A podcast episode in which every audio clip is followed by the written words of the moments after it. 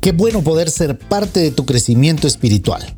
Estudiemos juntos la palabra de Dios. Bienvenidos al comentario de la hora silenciosa de Palabra de Vida Guatemala.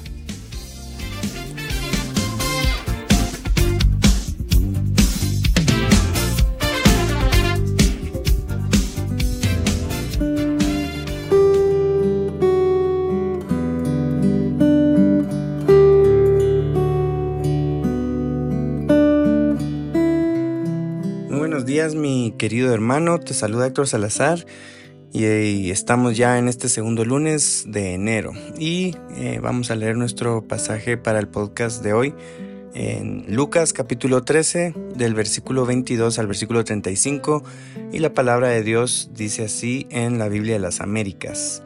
Pasaba Jesús por ciudades y aldeas enseñando mientras proseguía camino a Jerusalén. Y alguien le dijo, Señor, ¿son pocos los que se salvan?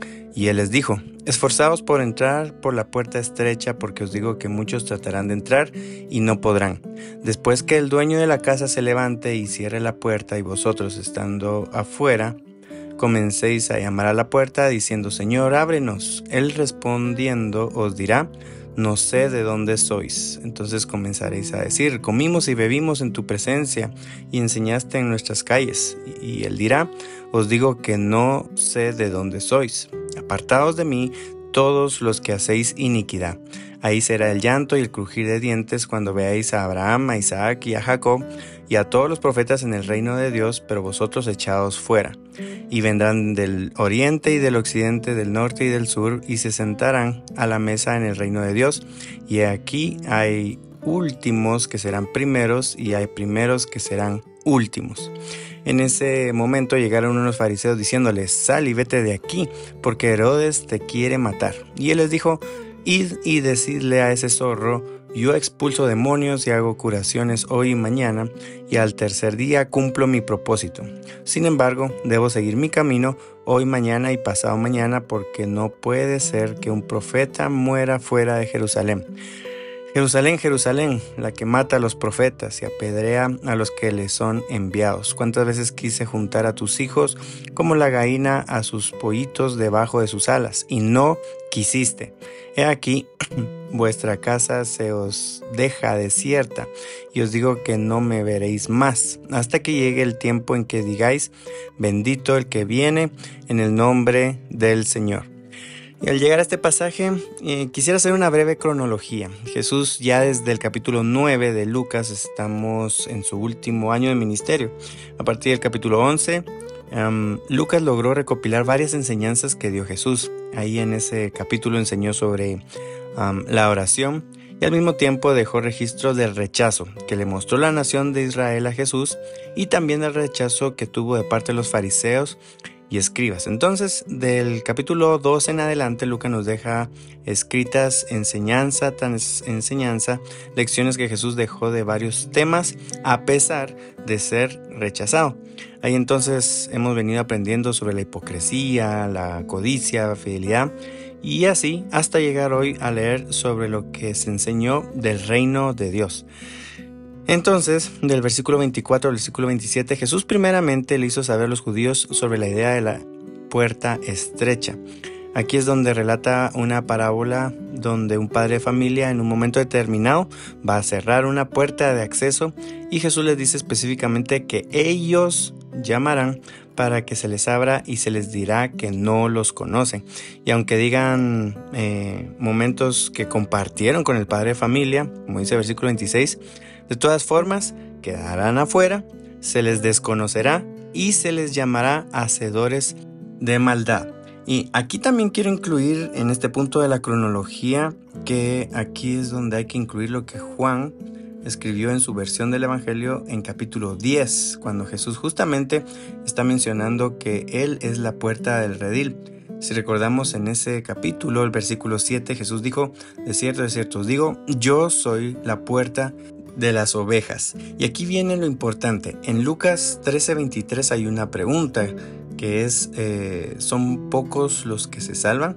Y esta pregunta en el pasaje paralelo de Mateo 7, versículo 13 no está, pero en base a Lucas se ve que esta enseñanza surge como respuesta a esa pregunta.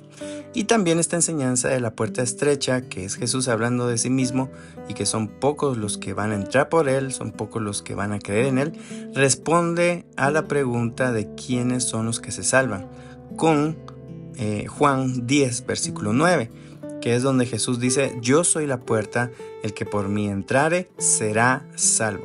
Y definitivamente eh, aquí Jesús estaba dando las claves para poder estar a la mesa del reino de Dios, que se menciona si volvemos a, Lucas eh, capítulo 3 versículo 29. De hecho, esa es otra sección que va del versículo 28 al versículo 30 con el agregado de un detalle de orgullo que hace que los que dicen ahí los primeros sean postreros, porque ellos no se humillarán delante de Dios. Ellos pensaban que Dios los iba a dejar como primeros, pero los deja como últimos. Y como dice Mateo 21:43, el reino se les quitaría y se daría a gente que produzca frutos de él, o sea, a gentiles, o sea, entonces a la iglesia, ese pueblo que fue llamado de las tinieblas a su luz admirable, como nos lo dice 1 Pedro 2:9. Aquí el profesor Warren Worsby escribe lo siguiente. Imagínense a los gentiles perros impuros sentados a la fiesta con Abraham, Isaac y Jacob, mientras que los judíos incrédulos están afuera. es impresionante todo esto que dijo Jesús. Y bueno, la última sección sería del versículo 31 al 35, donde le dijeron a Jesús que Herodes, estamos hablando de Herodes Antipas, el mismo que mandó a decapitar a Juan el Bautista, lo quería matar. Pero Jesús no le pone importancia y solo lo llama zorro para identificarlo con un animal que usaba astutos engaños para conseguir sus propósitos, dice el doctor Wright en su Biblia estudio. Pero con todo este pasaje en el día de hoy, lo que hay que tomar en cuenta a mi parecer es nuestra entrada a la puerta angosta y nuestra estadía. Por eso, vívelo. El versículo 24 de Lucas 13 comienza usando la palabra esforzados. En su original griego es la palabra agonizomai. Agonizo. ¿Te suena familiar esa palabra? Sí, ¿verdad? Es de donde viene nuestra palabra agonía. Y es que esta palabra proviene de la arena deportiva y describe a un atleta que da lo mejor de su esfuerzo para ganar el concurso. Y voy a sacar de perspectiva cualquier pensamiento que tenga que ver con nuestra salvación. Eh, lo que quiero es usar esta palabra, esforzarnos para desafiarnos a vivir vidas que dan su mejor esfuerzo para agradar a Dios. Este pasaje de hoy no es solo para pensar en, en los judíos y en su terrible situación. Hoy para nosotros es para pensar si estamos esforzándonos por agradar a Dios, si estamos esforzándonos por dar un buen testimonio a los demás, si estamos esforzándonos por alcanzar a los que aún no entran por la puerta a la salvación eterna que es en Jesús.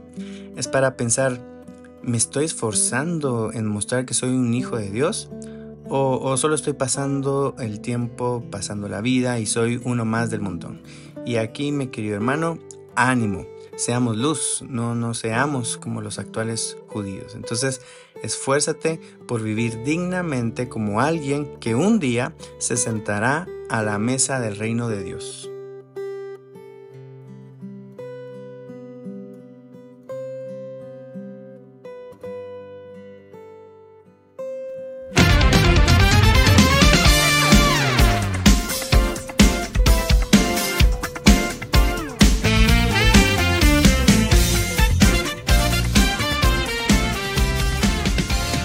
Gracias por acompañarnos en este tiempo. Te animamos a que continúes en contacto con la palabra de Dios. Que Dios te bendiga.